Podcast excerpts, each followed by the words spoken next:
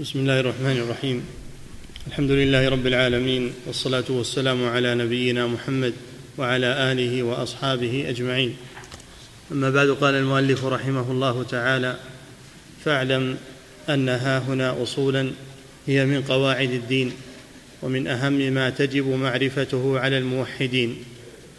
واعلم فاعلم أن ها هنا اصولا هي من قواعد الدين ومن أهم ما تجب معرفته على الموحدين.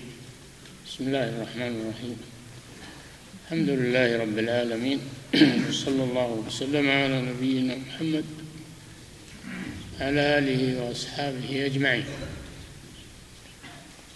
هذه الاصول التي ذكرها المؤلف رحمه الله هي القواعد التي تبنى عليها عقيدة التوحيد. فليتنبه لها. نعم. الأصل الأول أنه قد علم من ضرورة الدين أن كل ما في القرآن فهو حق لا باطل وصدق لا كذب وهدى لا ضلالة وعلم لا جهالة ويقين لا شك فيه. فهذا الأصل الأصل الأول أن نعلم ونعتقد أن كل ما في القرآن فهو حق. لا ضلالة وعلم لا جهالة. هذا في رد على الذين يشككون في أدلة القرآن. ويقولون إنها ظنية وإن الأدلة العقلية هي الأدلة اليقينية.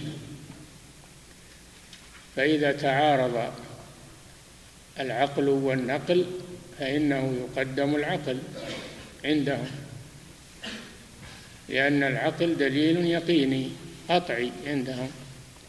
وأما دليل القرآن فإنه دليل ظني. وهذا عكس الحقيقة. حقيقة أن أن أدلة القرآن قطعية لا شك فيها وأن أدلة العقل هي الظنية لأنها محاتة العقول وأفكار الرجال. وأما القرآن فهو تنزيل من حكيم حميد. لا يأتيه الباطل من بين يديه ولا من خلفه. تنزيل من حكيم حميد.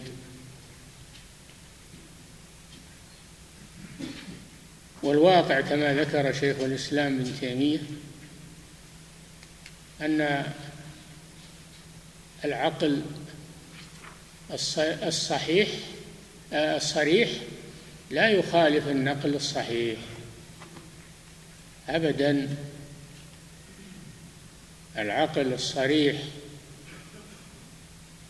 الذي ليس فيه خلل لا يخالف النقل الصحيح.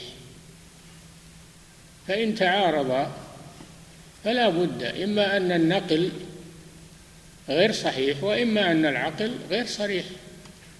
أما إذا توفر الشرطان العقل صريح والنقل صحيح فلا يتعارضان أبدا.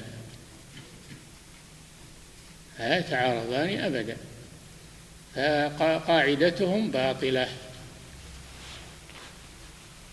وألف في هذا مؤلفا كبيرا. اسمه درء تعارض العقل والنقل. درء تعارض العقل والنقل. وهو مطبوع الحمد لله. ويختصرون العنوان ويقولون العقل والنقل. وقال قال الإمام ابن القيم واقرأ كتاب العقل الذي ما في الوجود له نظير ثاني. في هذا الباب يعني ما له نظير في هذا الباب لأنه أفهم أفهم المتكلمين ورد شبههم وفندها. وبين أن القرآن لا يتطرق إليه شك على احتمال أبدا. نعم. واقرأ كتاب العقل والنقل الذي ما في الوجود له نظير ثاني يعني من مؤلفات العلماء. ليس له في مؤلفات العلماء نظير لأنه قطع ظهور هؤلاء وأفهمهم ورد شبهاتهم. نعم. فهذا الأصل لا يتم إسلام أحد ولا إيمانه إلا بالإقرار بهذا الأصل. أي نعم لا يتم إيمان أحد لا يتم إيمان أحد حتى يقر بهذا الأصل. أن أن الأصل هو القرآن. الذي لا شك فيه وفي دلالته وأن ما خالفه فهو محل شك. نعم. فهذا الأصل لا يتم إسلام أحد ولا إيمانه إيمان. ولا إيمانه إلا بالإقرار بهذا الأصل وهذا أمر مجمع عليه لا خلاف فيه. أمر مجمع عليه عند علماء الإسلام. لا خلاف فيه بينهم. نعم. الأصل الثاني أن رسل الله وأنبياءه من أولهم إلى آخرهم بعثوا لدعاء العباد إلى توحيد الله بتوحيد العبادة. أن الأصل الثاني أن رسل الله من أولهم إلى آخرهم بعثوا بتوحيد العبادة توحيد الألوهية. أما توحيد الربوبية فالعالم مقرون به لا يختلفون فيه لأن الفطرة تقتضيه. فلم يقع خلاف في توحيد الربوبية بينما الخلاف بين الرسل وبين الكفار والمشركين هو في توحيد الألوهية. فكل رسول أول ما يقول لقومه يا قوم اعبدوا الله ما لكم من إله غيره. قال تعالى وما أرسلنا من قبلك من رسول إلا نوحي إليه أنه لا إله إلا أنا فاعبدون. ولقد بعثنا في كل أمة رسولا أن اعبدوا الله واجتنبوا الطاغوت. وكل رسول فإنه يدعو إلى التوحيد وينهى عن الشرك. هذا أصل لا شك فيه وهو واضح في القرآن الكريم في آيات كثيرة. نعم. الأصل الثاني نعم. الأصل الثاني أن رسل الله وأنبياءه من أولهم إلى آخرهم بعثوا لدعاء العباد إلى توحيد الله بتوحيد العبادة. نعم. وكل توحيد العبادة. أما توحيد الربوبية فالناس مقرون به. والنبي صلى الله عليه وسلم قاتل المشركين وهم يقرون بتوحيد الربوبية. قاتلهم. لما جحدوا توحيد العبادة قاتلهم على ذلك. وهم يقرون بتوحيد الربوبية. ولئن سألتهم من خلق السماوات والأرض يقولون الله. ولئن سألتهم من خلقهم لا يقولون الله لا يقولون الله فأنا يؤفكون قل من يرزقكم من السماء والأرض؟ أمن يخرج الحي من الميت ويخرج الميت من الحي ومن يدبر الأمر فسيقولون الله. قل أفلا تتقون؟ مقرون بهذا. مقرون بهذا.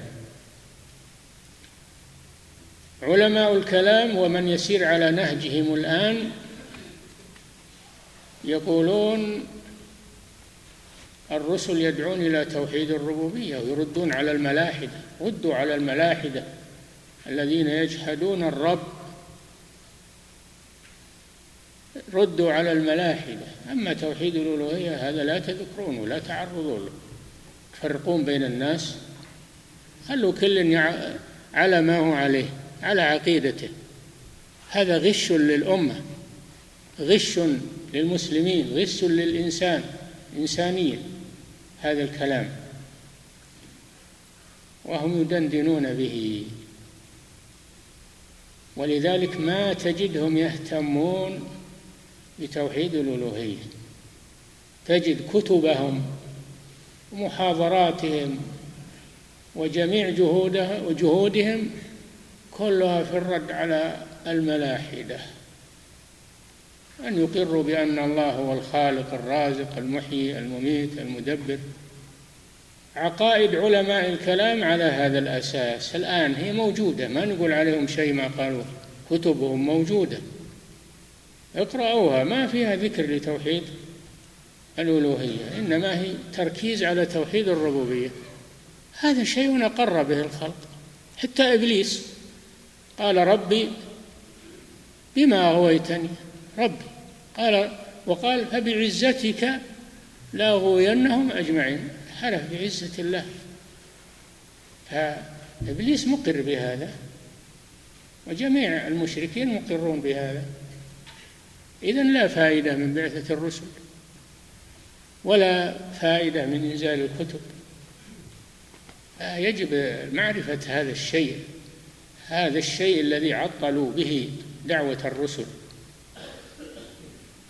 ولا تجدهم يدعون إلى التوحيد. يدعون إلى الصدق والأمانة ويدعون إلى مكارم الأخلاق وإلى وإلى ينهون عن الربا وعن الفواحش. هذا صحيح لكن هذا بعد التوحيد. هذا بعد التوحيد بعد الأساس. أنت أول صحح الأساس. ثم بعد ذلك تبني عليه الدعوة.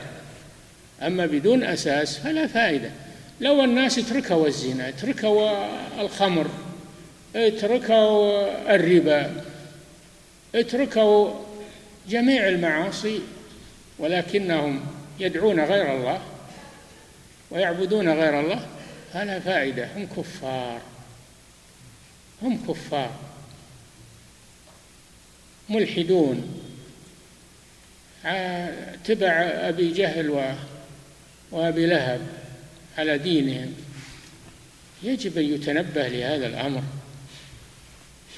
دعوتهم الآن في الغالب قائمة على هذا على مذهب المعتزلة ومذهب علماء الكلام. نعم. كتبهم كلها مشحونة بهذا. يقيم الأدلة على توحيد الربوبية. كل كل الإرشاد للجويني وجوهرة التوحيد اللي عند الأشاعرة المنظومة كلها على توحيد الربوبية. ما تجد فيها ذكرا لتوحيد الألوهية. نعم. الأصل الثاني أن رسل الله وأنبياءه من أولهم إلى آخرهم بعثوا لدعاء العباد إلى توحيد الله بتوحيد العبادة. توحيد العبادة. أما توحيد الربوبية فهو حق لكنه موجود ولا يدخل في الإسلام. نعم. وكل رسول أول ما يقرع به أسماع قومه قوله تعالى يا قوم اعبدوا الله ما لكم من إله غيره. نعم. نوح قالها وهود وصالح شعيب إبراهيم جميع الأنبياء أول ما يقولون لرسلهم يا قوم اعبدوا الله ما لكم من إله غيره. اعبدوا اعبدوا. ما قالوا أقروا بأن الله هو الرب؟ مقرون هم أن الله هو الرب. لكن يقولون اعبدوه. ما لكم من إله غيره. ما يستحق العبادة إلا هو سبحانه وتعالى.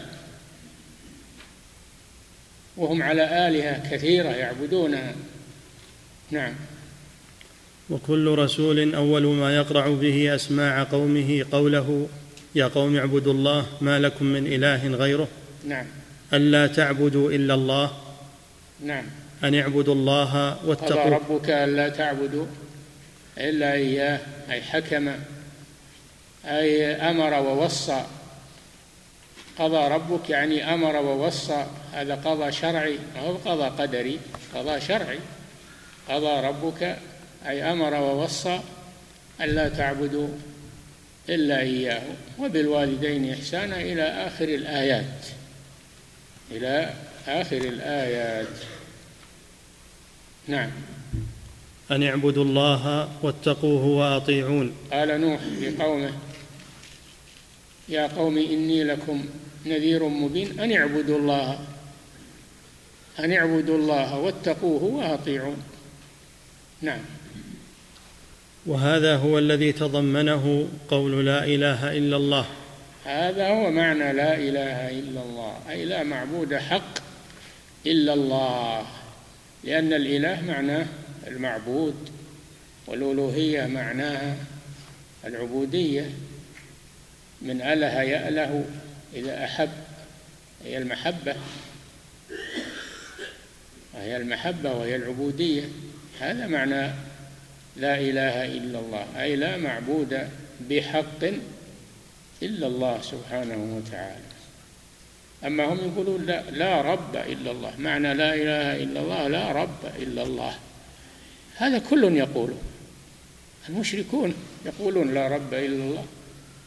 نعم. فإنما دعت الرسل أممها إلى قول هذه الكلمة واعتقاد معناها.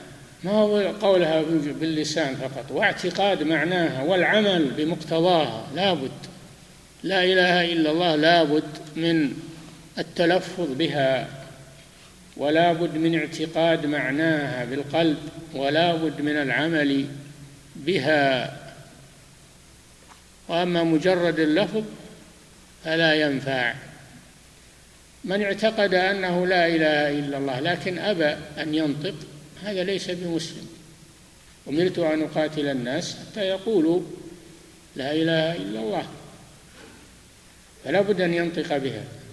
ثانيا لا بد أن يعتقد معناها وإلا فإنه يكون منافقا.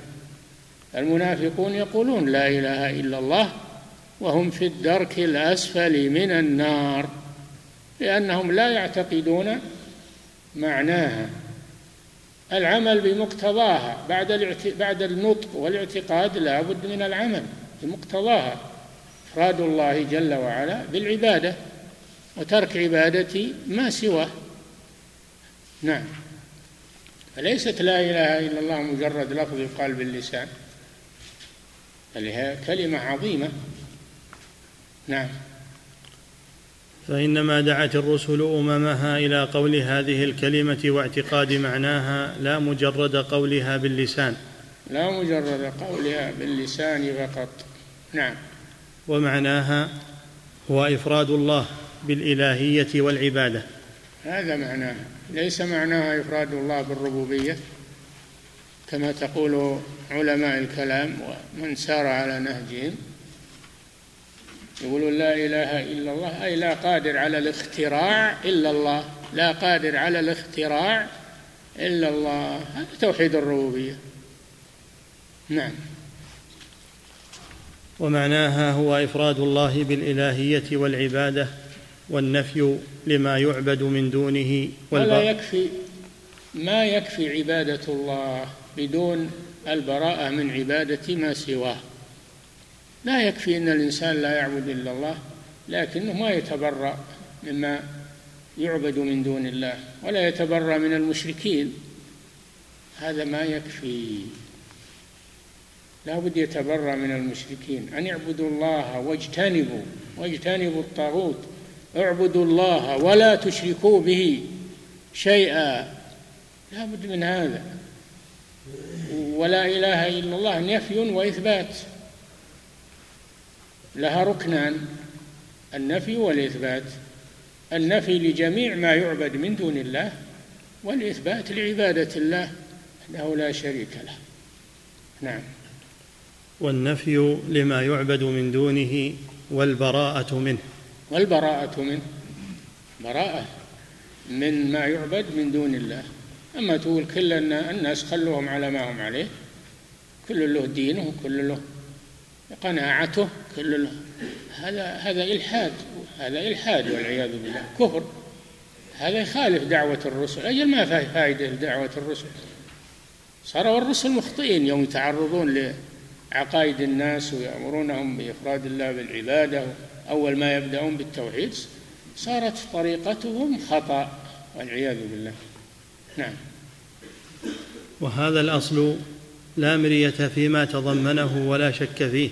هذا أصل عظيم هذا. هذا أصل عظيم إذا فهمته. نعم. وهذا الأصل لا مرية فيما تضمنه ولا شك فيه وأنه لا يتم إيمان أحد حتى يعلمه. نعم حتى يعلمه لأنه إذا لم يعلمه يقع فيما يخالف من جهل شيء فإنه يقع فيه. تعلمت الشر تعلمت الشر لا للشر ولكن لتوقيه. ولكن لتوقيه. ومن لا يعرف الشر من الخير يقع فيه. نعم. الأصل الثالث أن التوحيد قسمان. التوحيد على سبيل الإجمال قسمان. توحيد الربوبية وتوحيد الألوهية. توحيد الألوهية يدخل فيه توحيد الأسماء والصفات. لا توحيد الألوهية توحيد الأسماء والصفات يدخل في توحيد الربوبية. توحيد الأسماء والصفات يدخل في توحيد الربوبية. لذلك صار التوحيد في على سبيل الإجمال قسمان. أما على سبيل التفصيل فهو ثلاثة. توحيد الربوبية وتوحيد الألوهية وتوحيد الأسماء والصفات. لما كثر الإلحاد في الأسماء والصفات من الجهمية والمعتزلة ومن يجحدون الصفات ويؤولونها احتاج إلى أنه يفرد بقسم مستقل عن توحيد الربوبية فصار توحيد الأسماء والصفات. من الناس الآن والكتاب والجهال من يقول تقسيم التوحيد إلى أقسام هذا هذا تثليث. يقول هذه عقيدة المثلثة. شوف إيش يقولون. عقيدة المثلثة. يعني يشبه عقيدة النصارى. توحيد قسم واحد يقولون. يعني هو توحيد الربوبية بس عندهم. قسم واحد. وينادون بهذا ويكتبون الآن. توحيد قسم واحد وتقسيمه إلى ثلاثة أقسام هذا تثليث. سبحان الله. ومنهم من يزيد على الثلاثة يقول التوحيد أربعة أنواع توحيد الربوبية وتوحيد الألوهية توحيد الأسماء والصفات وتوحيد الاتباع. توحيد الاتباع داخل في توحيد الألوهية اتباع للرسول صلى الله عليه وسلم. هذا داخل. ومنهم من يقول توحيد الألوهية معناه أن لا حاكم إلا الله. توحيد الحاكمية حاكمية الحاكمية داخلة في توحيد الألوهية. ما يحتاج أنه تفرد وتقسم مستقلا. ما يحتاج. كل هذه أقوال مخترعة جديدة لا يعول عليها. توحيد ثلاثة أنواع على سبيل التفصيل. توحيد الربوبية وتوحيد الألوهية وتوحيد الأسماء والصفات. واللي يخالف توحيد الاتباع اللي يقولون ما يقال له مشرك يقال مبتدع. اللي يخالف توحيد الاتباع ما يقال له مشرك يقال له مبتدع. الذي لا يتبع الرسول ويحدث شيء من العبادات هذا مبتدع يقال له ما يقال له مشرك. أما من خالف توحيد الألوهية هذا يقال له مشرك. نعم. الأصل الثالث أن التوحيد قسمان. القسم الأول توحيد الربوبية والخالقية والرازقية ونحوها. هذا توحيد الربوبية. الربوبية لا رب للعالم إلا الله هو الرب سبحانه وتعالى رب العالمين. رب العالمين أي خالقهم ورازقهم ومدبر أمورهم. هو ربهم سبحانه وتعالى. والرازقية هو الرازق وحده الخالق وحده. الخالقية يعني الخالق. فلا أحد يخلق إلا الله ولا أحد يرزق إلا الله. ومن يدبر الأمر ما أحد يدبر أمر الكون إلا الله سبحانه وتعالى. نعم. القسم الأول توحيد الربوبية والخالقية والرازقية ونحوها ومعناه أن الله وحده هو الخالق للعالم وهو الرب لهم والرازق لهم. هذا بلا شك ولا يجحد هذا أحد. هذا ما ينكره أحد. نعم. وهذا لا ينكره المشركون. نعم هذا لا ينكره المشركون. نعم. وهذا لا ينكره هذا في القرآن مذكور في القرآن أنهم لا ينكرونه. إذا سئلوا عنه أقروا به. نعم. وهذا لا ينكره المشركون ولا يجعلون لله فيه شريكا بل هم مقرون به. مقرون أنه لا يخلق ولا يرزق ولا يدبر الكون إلا الله. نعم. بل هم مقرون به كما سيأتي في الأصل الرابع. وإنما اتخذوا ما اتخذوا من المعبودات يزعمون أنها تقربهم إلى الله. أنها تشفع لهم عند الله وإلا ما يعتقدون فيهم النفع والضر إنما يعتقدون فيهم الشفاعة والتقريب لهم عند الله عز وجل. نعم. والقسم الثاني يعبدون من دون الله ما لا يضرهم ولا ينفعهم يعني باعترافهم لا يضرهم ولا ينفعهم باعترافهم ويقولون هؤلاء شفعاؤنا عند الله. نعم. ما نعبدهم إلا ليقربونا. ما نعبدهم لشيء لأنهم يخلقون ويرزقون ويدبرون. لا نعبدهم ليقربونا إلى الله زلفى. نعم. والقسم الثاني توحيد العبادة ومعناه إفراد الله وحده بجميع أنواع العبادات الآتي بيانها. جميع أنواع العبادات لأن العبادات أنواع كثيرة كما يأتي. ما يفرد بنوع ويشرك في النوع الثاني أو الثالث. نعم. فهذا هو الذي جعلوا لله فيه شركاء. هذا توحيد الألوهية. هو الذي جعلوا لله فيه شركاء. عبدوا الأصنام والأحجار والأشجار والملائكة والأنبياء والصالحين. شركاء لله جعلوهم في العبادة. شركاء له في عبادته. نعم. فهذا هو الذي جعلوا لله فيه الشركاء ولفظ الشريك يشعر بالإقرار بالله تعالى. نعم فالمشركون يقرون بالله عز وجل لكن يشركون معه غيره في العبادة يقرون بتوحيد الربوبية ويشركون في توحيد الألوهية. أما الملاحدة وهم قلة أو نادر فهم ينكرون الرب سبحانه وتعالى ويقولون بالطبيعة. هذا نتيجه هذا الحوادث نتيجة للطبيعة. ما هناك رب يخلق ويدبر لكن هذا ما يقوله عاقل. ما يقوله عاقل أبدا.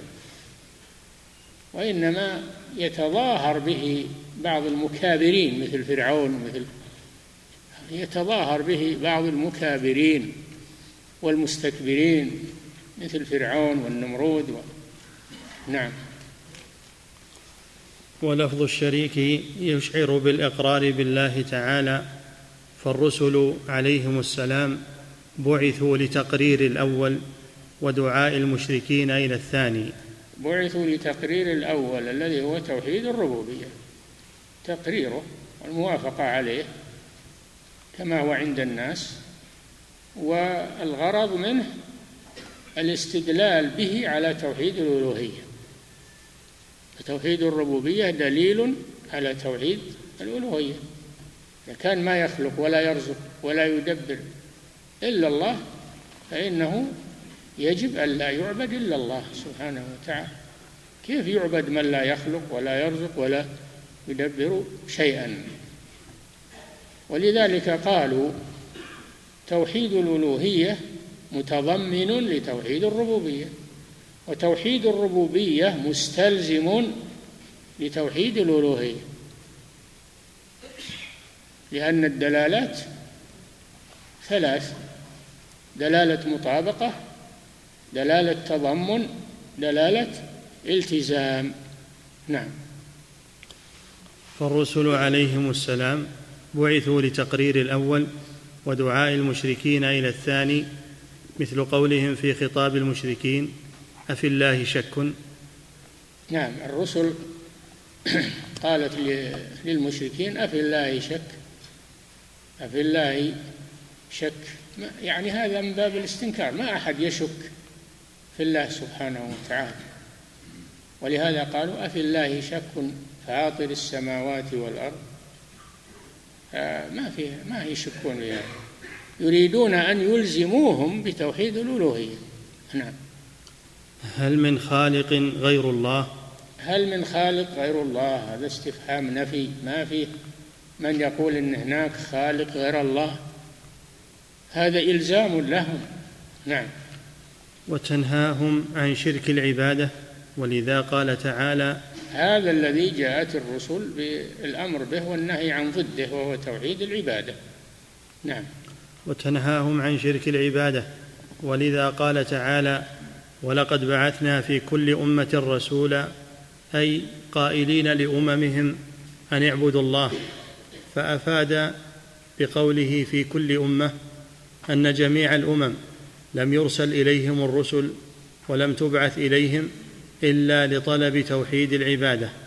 نعم هذا شيء مسلم ومعروف ولا يكابر فيه إلا معاند. نعم. أن جميع الأمم لم يرسل إليهم الرسل ولم تبعث إليهم إلا لطلب توحيد العبادة لا لتعرف بأن الله هو الخالق للعالم. لأنهم يعرفون هذا تعرفهم بشيء يعرفونه ويقرون به. نعم. لا لتعرف بأن الله هو الخالق للعالم وأنه رب السماوات والأرض فإنهم مقرون بهذا. فإنهم مقرون بهذا. بكلامهم ونطقهم وشهادة القرآن عليهم. نعم. ولهذا لم ترد الآيات في الغالب إلا بصيغة استفهام التقرير. نحو هل من خالق غير الله؟ استفهام تقرير ما هو باستفهام استخبار. ما هو باستخبار وإنما هو تقرير وإثبات لما يقولون وإلزام لهم. نعم. ولهذا لم ترد الآيات في الغالب إلا بصيغة استفهام التقرير. نحو هل من خالق غير الله؟ أفمن يخلق كمن لا يخلق؟ أفلا تذكرون؟ نعم. أفي الله شك فاطر السماوات والأرض؟ أغير الله أتخذ وليا فاطر السماوات والأرض؟ فأروني ماذا خلق الذين من دونه؟ هذا خلق الله. لما ذكر إن الله خلق السماوات والأرض قال هذا خلق الله. فاروني ماذا خلق الذين من دونه. بل الظالمون في ضلال مبين. أروني تحدي هذا لهم أروني ماذا خلق الذين من دونه. هل تعبدونهم؟ أروني شيء خلقوه. نعم. أروني ماذا خلقوا من الأرض. نعم. استفهام تقرير لهم لأنهم مقرون به.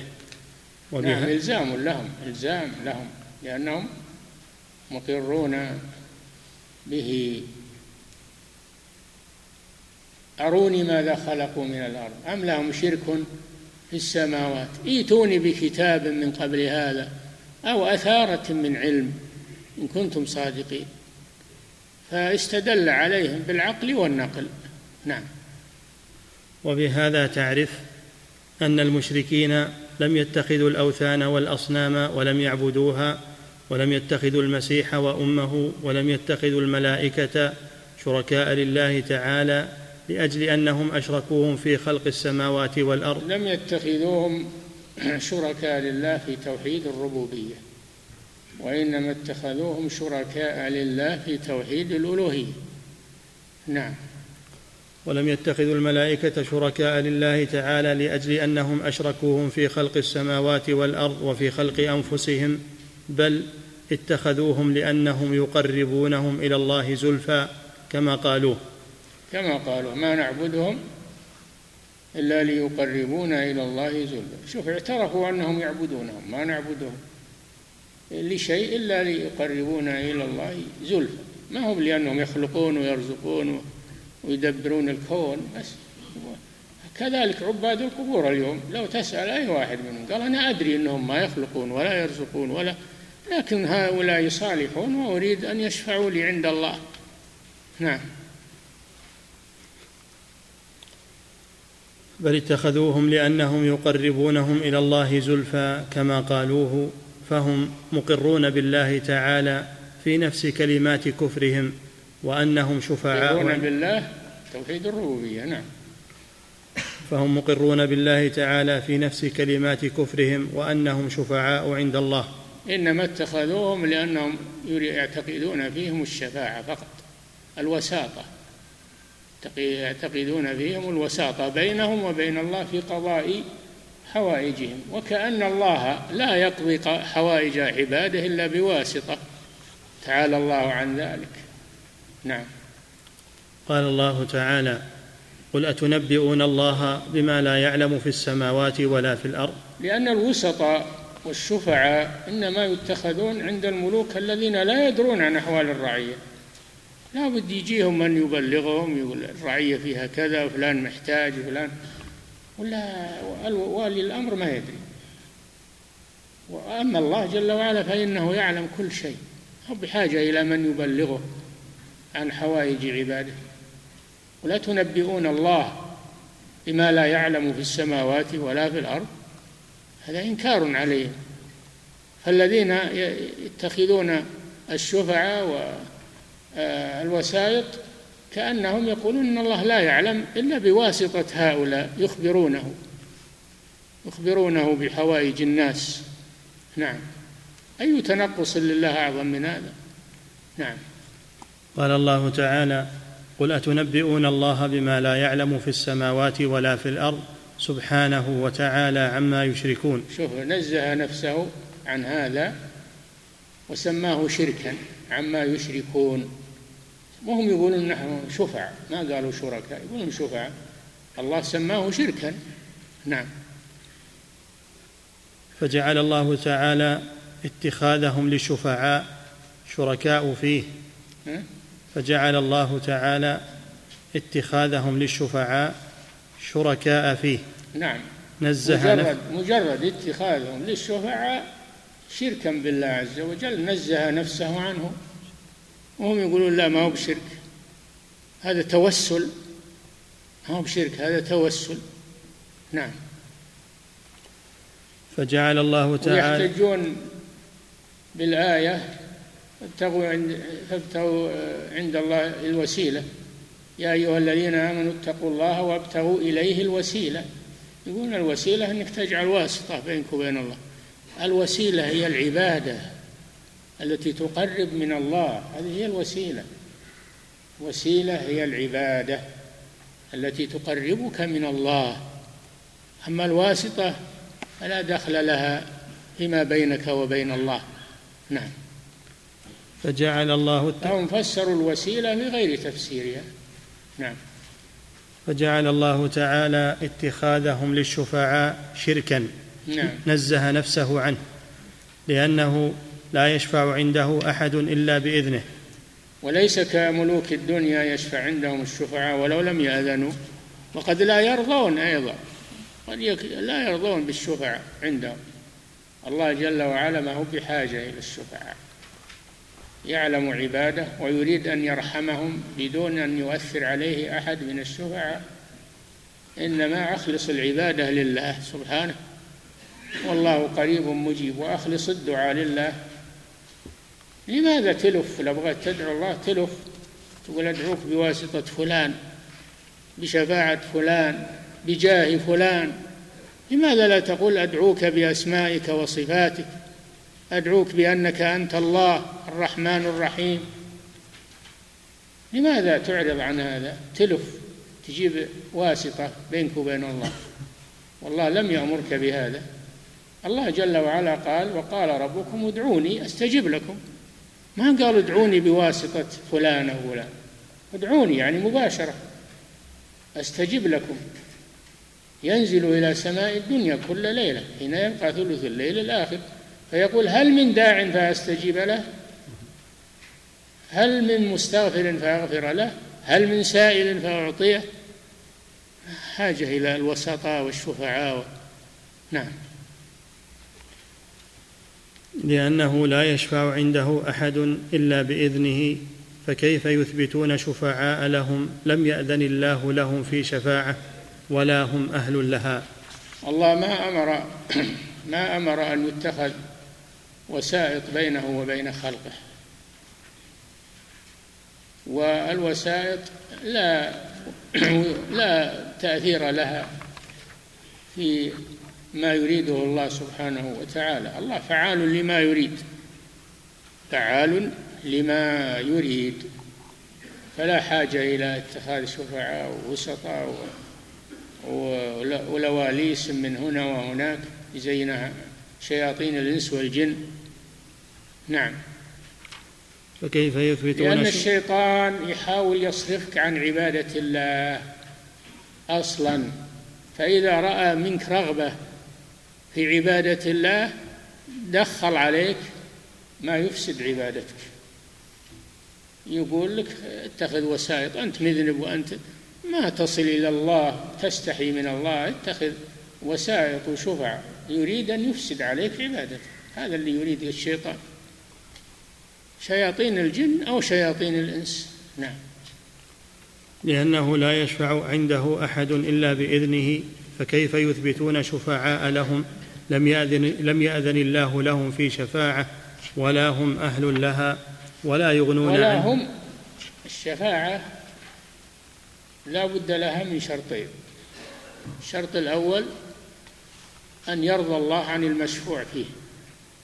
فإن كان الله لا يرضى عن المشفوع فيه فلا ينفع فيه الشفاعة أبدا. قال تعالى ما للظالمين من حميم ولا شفيع يطاع. وقال سبحانه وتعالى فما تنفعهم شفاعة الشافعين. ما تنفع الكفار والمشركين؟ شفاعة الشافعين لأن الله لا يرضى عنهم. الذي لا يرضى الله عنه لا يقبل فيه شفاعة أحد. الشرط الثاني أن يرضى الله لمن يشفع. ولذلك الرسول صلى الله عليه وسلم في في يوم القيامة إذا أراد أن يشفع للخلق في أن يفصل الله بينهم ويريحهم من الموقف ما يذهب إلى الله جل وعلا ويشفع عنده بل يخر ساجدا. بين يدي الله عز وجل ويدعو الله حتى يقال له يا محمد ارفع رأسك. وسل تعطى واشفع تشفع. بعد الإذن. هذا سيد الشفعاء صلى الله عليه وسلم. ما يشفع إلا بإذن الله سبحانه وتعالى. نعم. من ذا الذي يشفع عنده إلا بإذنه. نعم. اسأل الله. قال اللهم شفع في نبيك. شفع في عبادك الصالحين اطلب الشفاعة من الله. نعم. لأنه لا يشفع عنده أحد إلا بإذنه فكيف يثبتون شفعاء لهم؟ لم يأذن الله لهم في شفاعة ولا هم أهل لها ولا يغنون عنهم من لا الله. هم يعني أصحاب الحاجات ما هم أهل للشفاعة لأنهم كفار ولا مشركون. ليسوا أهلا للشفاعة لأن الله لا يرضى عنهم. والشافع لم يأذن الله له بذلك. إذا كيف يتعلقون؟ نعم. ولا يغنون عنهم من الله شيئا. نعم. الأصل الرابع أن أن المشركين الذين بعث الله الرسل إليهم مقرون بأن الله تعالى خالق بأن الله تعالى خالقهم. هذا سبق. نعم. لكن. تأكيد. نعم. ولئن سألتهم من خلقهم ليقولن الله. وأنه الذي خلق السماوات والأرض. أم خلقوا من غير شيء؟ أم هم الخالقون؟ ولئن سألتهم من خلقهم هم هم أنفسهم. ليقولن الله. نعم. فهم ما خلقوا أنفسهم ولا خلقوا غيرهم. نعم. وأنه الذي خلق السماوات والأرض لقوله تعالى ولئن سألتهم من خلق السماوات والأرض ليقولن خلقهن العزيز العليم ولئن سألتهم من؟ المسلمين. لا سألتهم يعني المشركين. من خلق السماوات والأرض؟ فيقولون خلقهن العزيز العليم. العزيز يعني القوي الذي لا يعجزه شيء العليم بالخلق. كيف يخلق؟ هو بكل خلق عليم سبحانه وتعالى. نعم. وبأنه الرازق. الذي يخرج الحي من الميت ويخرج الميت من الحي. يخرج وبأنه الرازق لا أحد يرزق غير الله. أما يرزقكم من السماء والأرض لا أحد يرزق من السماوات والأرض إلا الله.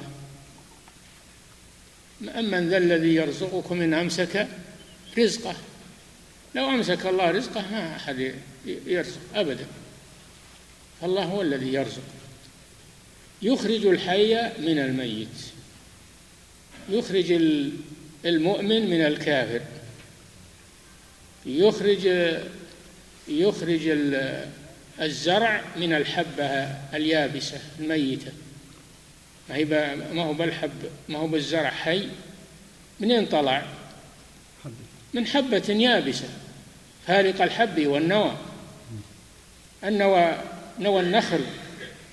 يابسة النواة يابسة. إذا غرستها طلع نخلة. حية. من الذي يخرج الحي؟ من الميت. والمسلم يخرجه من الكافر. ويخرج الميت من الحي. يخرج البيضة من الدجاجة. البيضة ميتة. والدجاجة حية. يخرج الكافر من المسلم. يخرج الكافر من المسلم. المؤمن المسلم حي والكافر ميت. فالله جل وعلا هو الذي يخرج الحي من الميت ويخرج الميت من الحي. نعم. وبأنه الرزاق الذي يخرج الحي من الميت ويخرج الميت من الحي وأنه الذي يدبر الأمر من السماء إلى الأرض. يخرج الدجاء البيضة من الدجاجة ويخرج الدج... يخرج الدجاجة من البيضة. يخرج الحي من الميت. نعم. وأنه الذي يدبر الأمر من السماء إلى الأرض. آه النطفة مني ميت. النطفة مني. ماء يخرج الله منه الإنسان حي. هذه قدرة الله سبحانه وتعالى. نعم.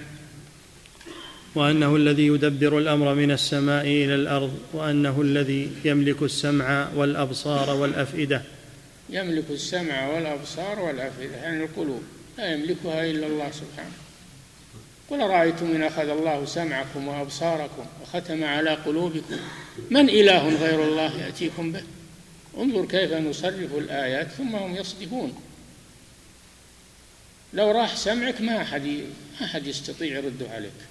لو راح بصرك ما أحد يستطيع يرده عليك إلا الله سبحانه وتعالى. نعم. قال تعالى قل من يرزقكم من السماء والأرض أمن يملك السمع والأبصار ومن يخرج الحي من الميت ويخرج الميت من الحي ومن يدبر الأمر فسيقولون الله. فقل أفلا تتقون؟ فسيقولون المشركون يقولون الله. قل أفلا تتقون فتعبدون الله الذي تقرون بأنه هو الذي يفعل هذه الأشياء وأن غيره لا يفعلها. نعم. وقال تعالى قل لمن الأرض ومن فيها إن كنتم تعلمون سيقولون لله قل أفلا من, من الذي يملك السماوات والأرض ومن فيهن؟ إلا الله سبحانه وتعالى. لماذا تعبدون غيره؟ ممن لا يملك ضرا ولا نفعا ولا موتا ما يملك لنفسه ضرا ولا نفعا ولا موتا ولا حياة ولا نشورا. نعم. قل لمن الأرض ومن فيها إن كنتم تعلمون. ومن فيها من المخلوقات. نعم. سيقولون لله قل أفلا تذكرون؟ قل من رب؟ تذكرون أن أنها ما دامت أنها لله فإنه لا يستحق العبادة إلا الله. نعم. قل من رب السماوات السبع ورب العرش العظيم؟ سيقولون لله قل أفلا تتقون؟ نعم. لو سألهم من رب السماوات والأرض رب العرش الذي هو أعظم المخلوقات وفوق المخلوقات. فيقولون الله نعم. قل من بيده ملكوت كل شيء وهو يجير ولا يجار عليه.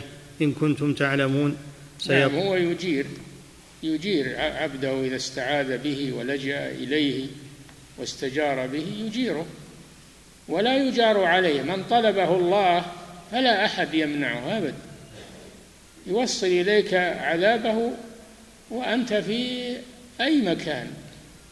لو أنت بالحصون المغلقة. الله قادر عليك. ما تفوت على الله. حسب الذين يعملون السيئات أن يسبقونا. ساء ما يحكمون.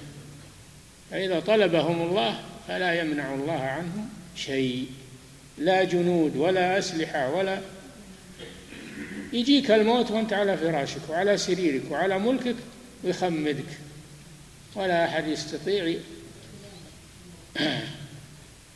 فإذا بلغت إذا بلغت الحلقوم وأنتم حينئذ تنظرون ونحن أقرب إليه منكم ولكن لا تبصرون فلولا إن كنتم غير مدينين ترجعونها ترجعون الروح إلى مكانها إن كنتم صادقين. تحديات من الله سبحانه وتعالى. نعم. قل من بيده ملكوت كل شيء وهو يجير ولا يجار عليه. إن كنتم تعلمون سيقولون لله قل فأنا تسحرون. نعم ما يعبد غير الله إلا إنسان مسحور عن عقله ما عنده عقل مأثر على عقله. نعم. وهذا فرعون. وهم يقولون لا الحين اللي يأمر بعبادة الله هذا هو المسحور. لما طلب الأنبياء أن يعبدوا الله قالوا مسحور تتبعون إلا رجلا مسحورا نعم. وهذا فرعون مع علوه في كفره ودعواه أقبح ودعواه أقبح دعوى ونطقه بالكلمة الشنعى يقول الله في حقه حاكيا عن موسى عليه السلام لقد علمت ما أنزل هؤلاء إلا رب السماوات والأرض بصائر. نعم هذا فرعون الذي ادعى الربوبية وأنكر الآيات التي مع موسى والمعجزات. أقسم موسى عليه السلام لقد علمت لقد هذا قسم ما أنزل هؤلاء الآيات إلا رب السماوات والأرض.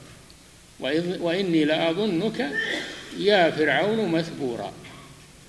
وفرعون يقول لموسى وإني لأظنك يا موسى مسحورا. هذا جواب فرعون. نعم. وقال لقد علمت علمت في نفسك وقرارة قلبك وإن أنكرت بلسانك. ما أنزل هؤلاء إلا رب السماوات والأرض بصائر. وإني لا أظنك يا فرعون مثبورا يعني مخذول لا تقبل الحق. بعدما تبين لك وقال في غيره وجحدوا بها واستيقنتها أنفسهم. وش السبب؟ ظلما وعلوا. ظلما وعلوا. هذا اللي حملهم على على الإنكار ولا قلوبهم مستيقنة لهذه الأدلة. نعم. وقال إبليس إني أخاف الله رب العالمين. إبليس قال إني أخاف الله رب العالمين. لما قاد لما قاد الإنسان إلى الكفر قال إني بريء منك. إني أخاف الله رب العالمين. يعني قاده إلى الكفر ثم تبرأ منه في النهاية. وقال لمشركي بدر آه إني أرى ما لا ترون. إني أخاف الله. والله شديد العقاب. نعم. وقال رب بما أغويتني. وقال رب بما أغويتني. فأقر بربوبية الله وبقدر الله أنه أغواه بقضائه وقدره لتكبره عقوبة الله لتكبره على أمر الله.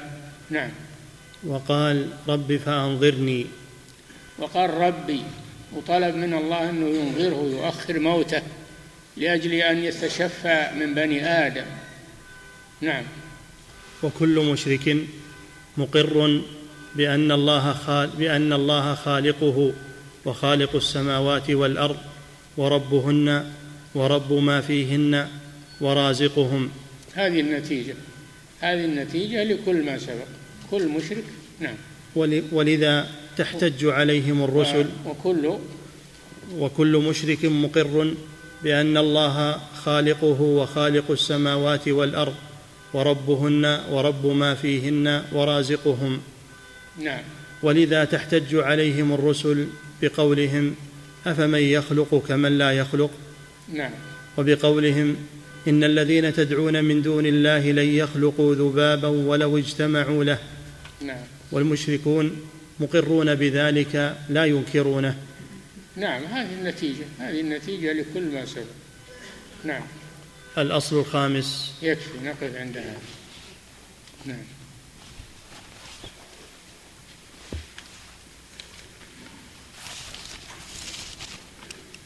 يقول فضيلة الشيخ وفقكم الله ما المراد بالعقل الصريح؟ العقل الصريح اللي ما في خلل. الصريح يعني ما في خلل. لا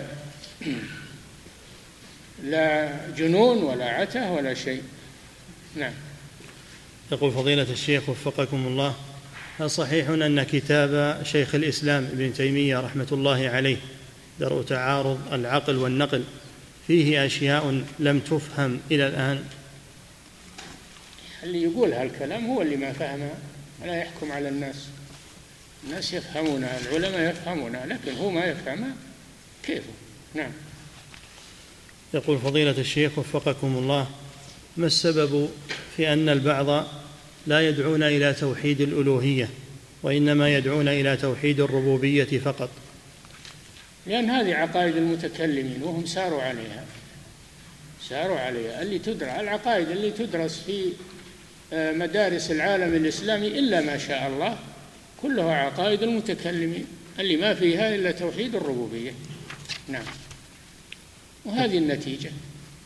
نعم. يقول فضيلة الشيخ وفقكم الله هل بلوغ القرآن إلى الناس يعتبر حجة وإلا لا بد من فهم القرآن؟ من بلغه القرآن وهو عربي يفهم لغة القرآن قامت عليه الحجة. وأما إذا كان ما يفهم العربية فهذا يبين له يترجم له المعنى يترجم له المعنى. فإذا ترجم له ووضح له المعنى قامت عليه الحجة. نعم. يقول فضيلة الشيخ وفقكم الله ذكرتم حفظكم الله أنه لا يكفي أن الشخص يعبد الله لكن لا يتبرأ مما يعبد من دون الله. فهل يكفر من لا يتبرأ من أهل الشرك؟ نعم إذا إذا لم يتبرأ منهم وقال أنهم أنهم هذه قناعتهم وهم على حق حسب قناعتهم فهذا فهذا يرتد عن دين الإسلام والعياذ بالله. نعم.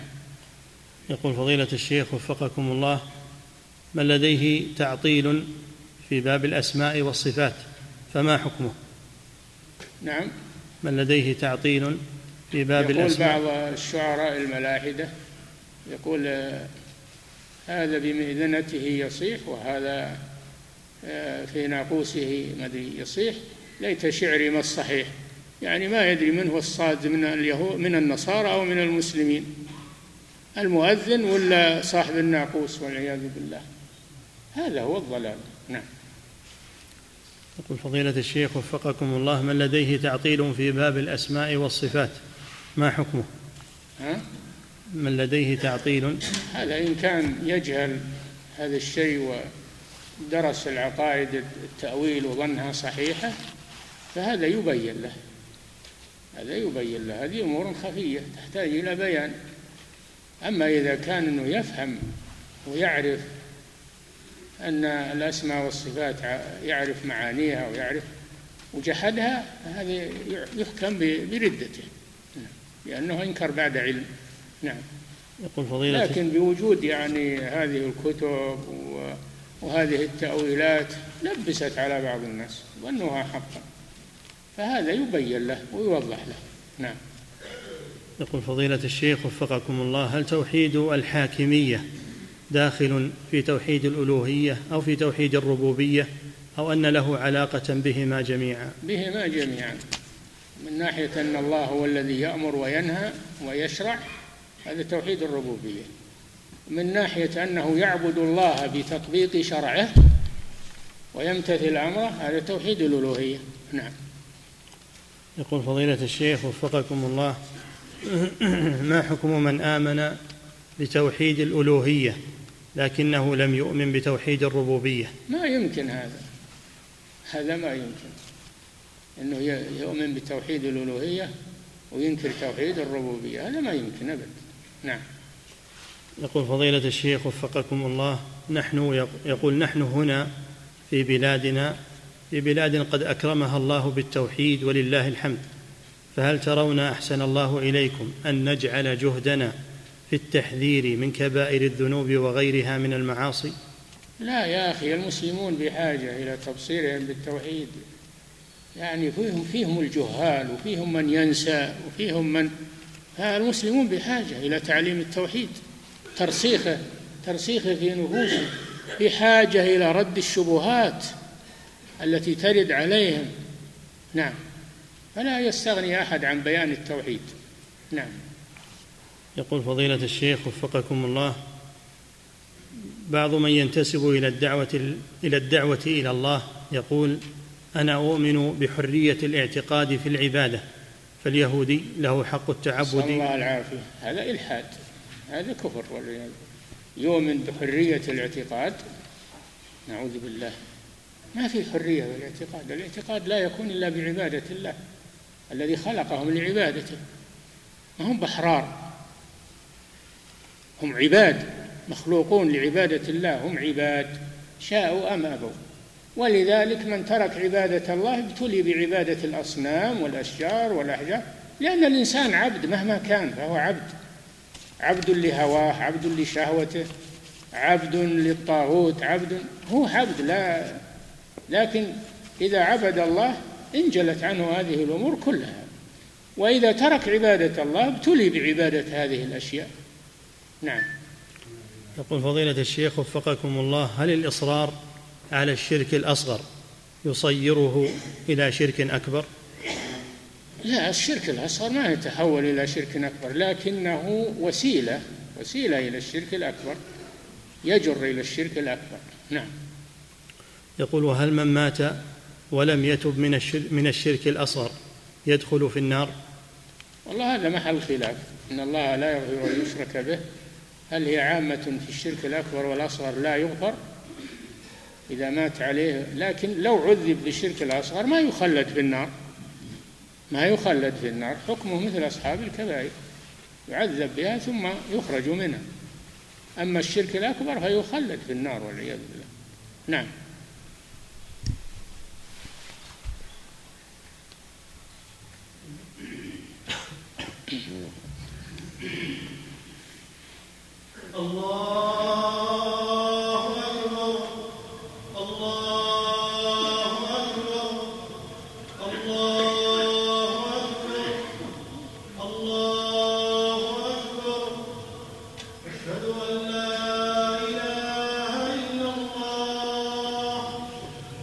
أشهد أن لا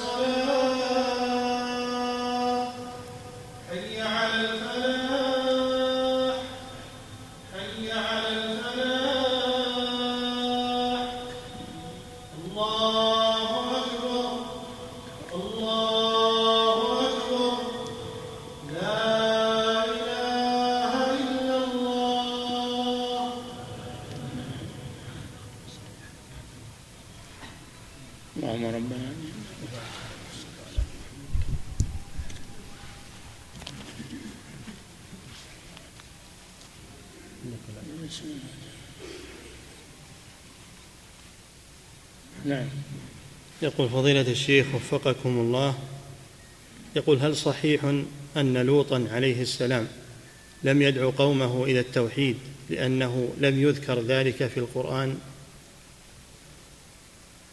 وما ما ذكر في القرآن ولكنهم فعلوا فاحشة ما فعلها ولا البهائم ولم يسبقهم إليها أحد فلذلك عذبوا عذابا لم يسبق له نظير. الله خسف بهم الأرض وقذفهم بالحجارة من السماء والعياذ بالله. رفعوا إلى عنان السماء ثم نكسوا بأرضهم على رؤوسهم وأتبعوا بالحجارة. نعم فهي جريمة شنيعة مخالفة للفطرة والانتكاس في الفطرة. نعم. أتأتون الذكران من العالمين وتذرون ما خلق لكم ربكم من أزواجكم بل أنتم قوم عادون. البهائم ما تفعل هذا. ما تجد ذكر ينزو على ذكر من الحمير ولا من الكلاب ولا من الدواب. ما تجد. الفطرة. نعم. يقول فضيلة الشيخ وفقكم الله هل يكفر من يدعو الله عند قبر ولي؟ اعتقادا أن هذا مكان مبارك استجاب فيه الدعاء دون أن يعتقد شيئا من الألوهية في هذا الميت؟ شوف إذا كان يدعو عند القبر أو يصلي عند القبر أو يطوف بالقبر يتقرب إلى صاحب القبر فهذا شرك أكبر لأنه صرف العبادة لغير الله. أما إذا كان يأتي بالعبادة عند القبر لله ولكن يظن إن هذا المكان إنه فيه بركة وأن الله يتقبل منه هذا بدعة وليس شركا هذا بدعة ووسيلة إلى الشرك. نعم. يقول فضيلة الشيخ وفقكم الله يقول الشيخ الحكمي رحمه الله في كتابه معارج القبول والقصد العبادة المشروعة مثل صلاة مثل دعاء أما إنه يذبح للقبر ما تقول هذا هو يذبح لله هذا يذبح للقبر ما يحتاج تفصيل. يذبح للقبر ينذر للقبر هذا ما يحتاج تفصيل هذا ما فيه إنه يريد وجه الله سبحانه وتعالى. نعم. يقول فضيلة الشيخ وفقكم الله يقول الشيخ الحكمي رحمه الله في كتابه معارج القبول أن من أشرك في الألوهية فقد أشرك في الربوبية وفي الأسماء والصفات أيضا. يقول كيف نفهم هذا؟ مع القول بأن المشركين ما اتخذوا شركاء لله في الربوبية. نعم أشرك في الربوبية من حيث إنه اعتقد أن هذا المخلوق أنه يعطيه مطالبه.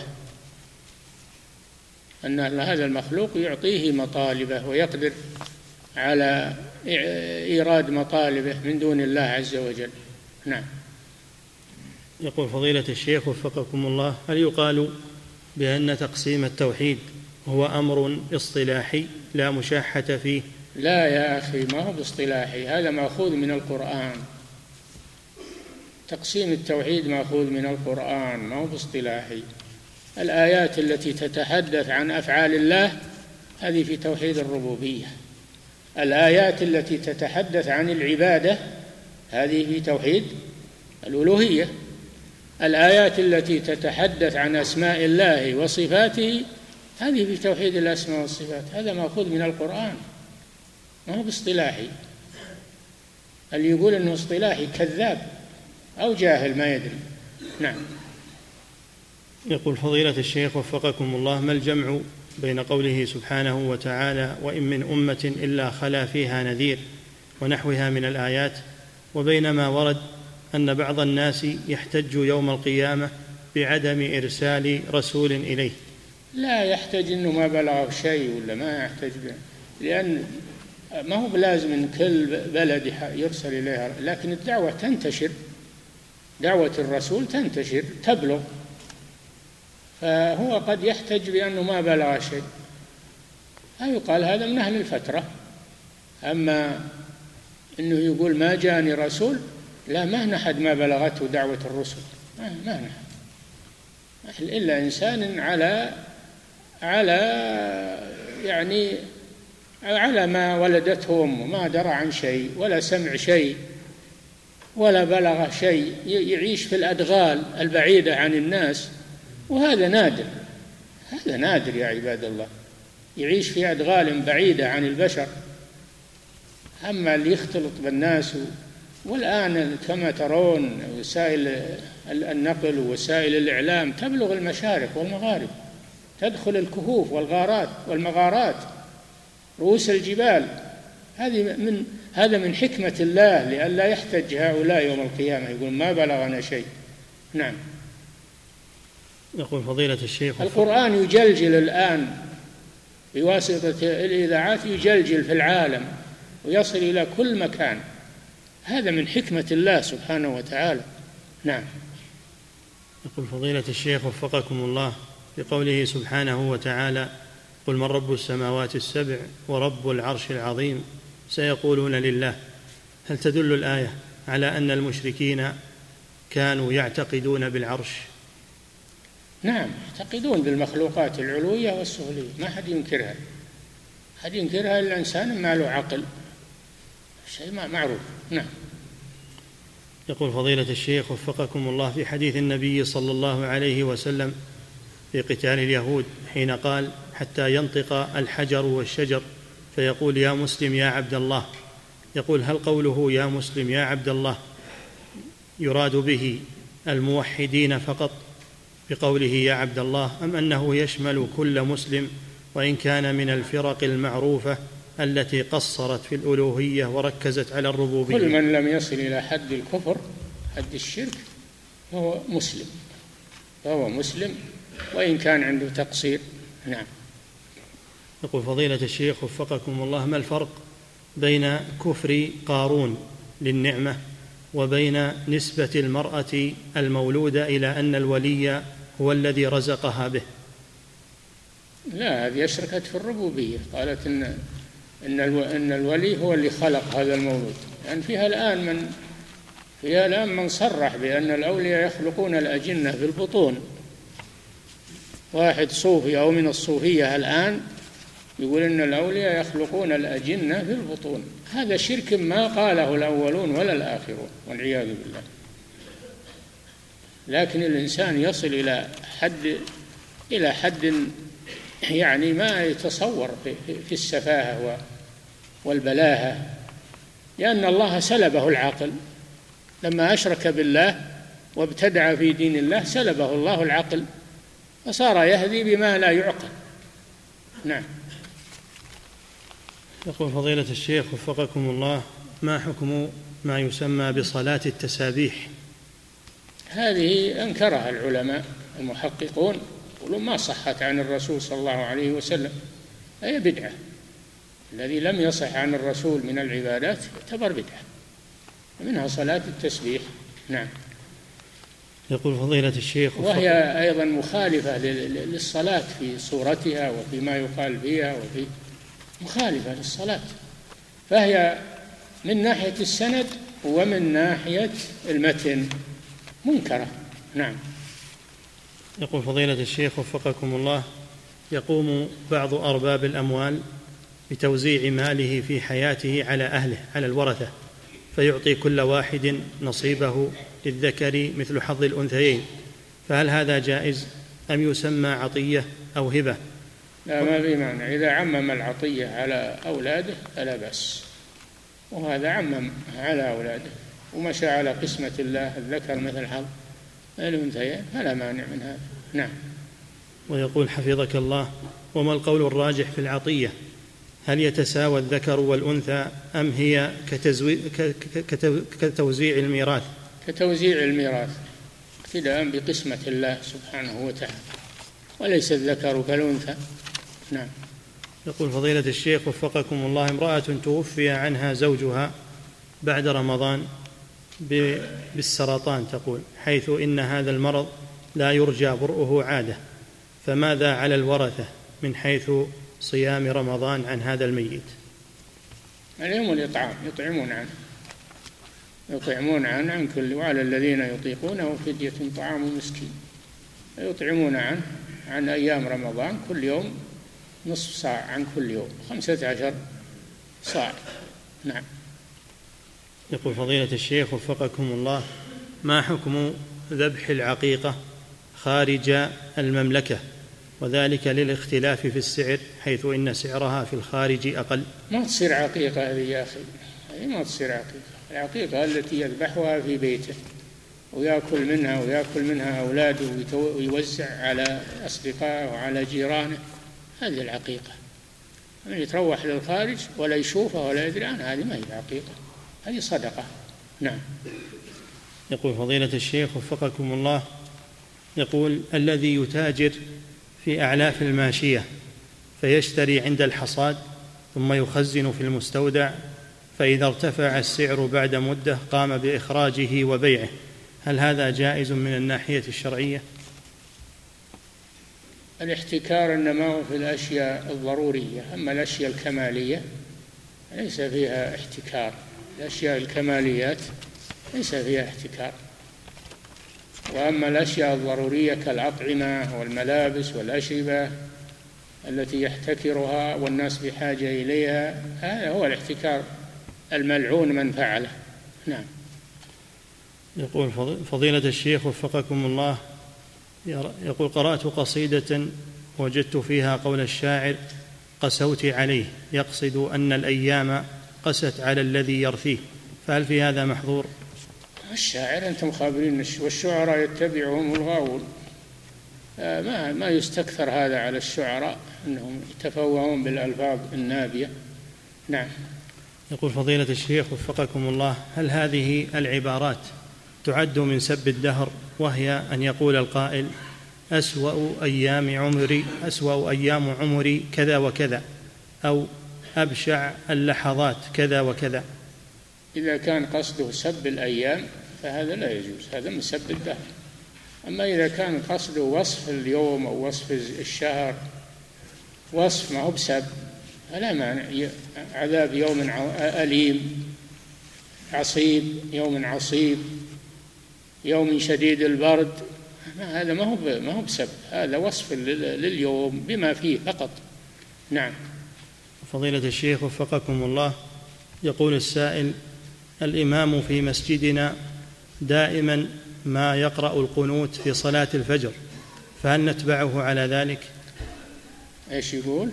يقول الإمام في مسجدنا دائما ما يقرأ القنوت في صلاة الفجر. يعني ف... يقنت. نعم.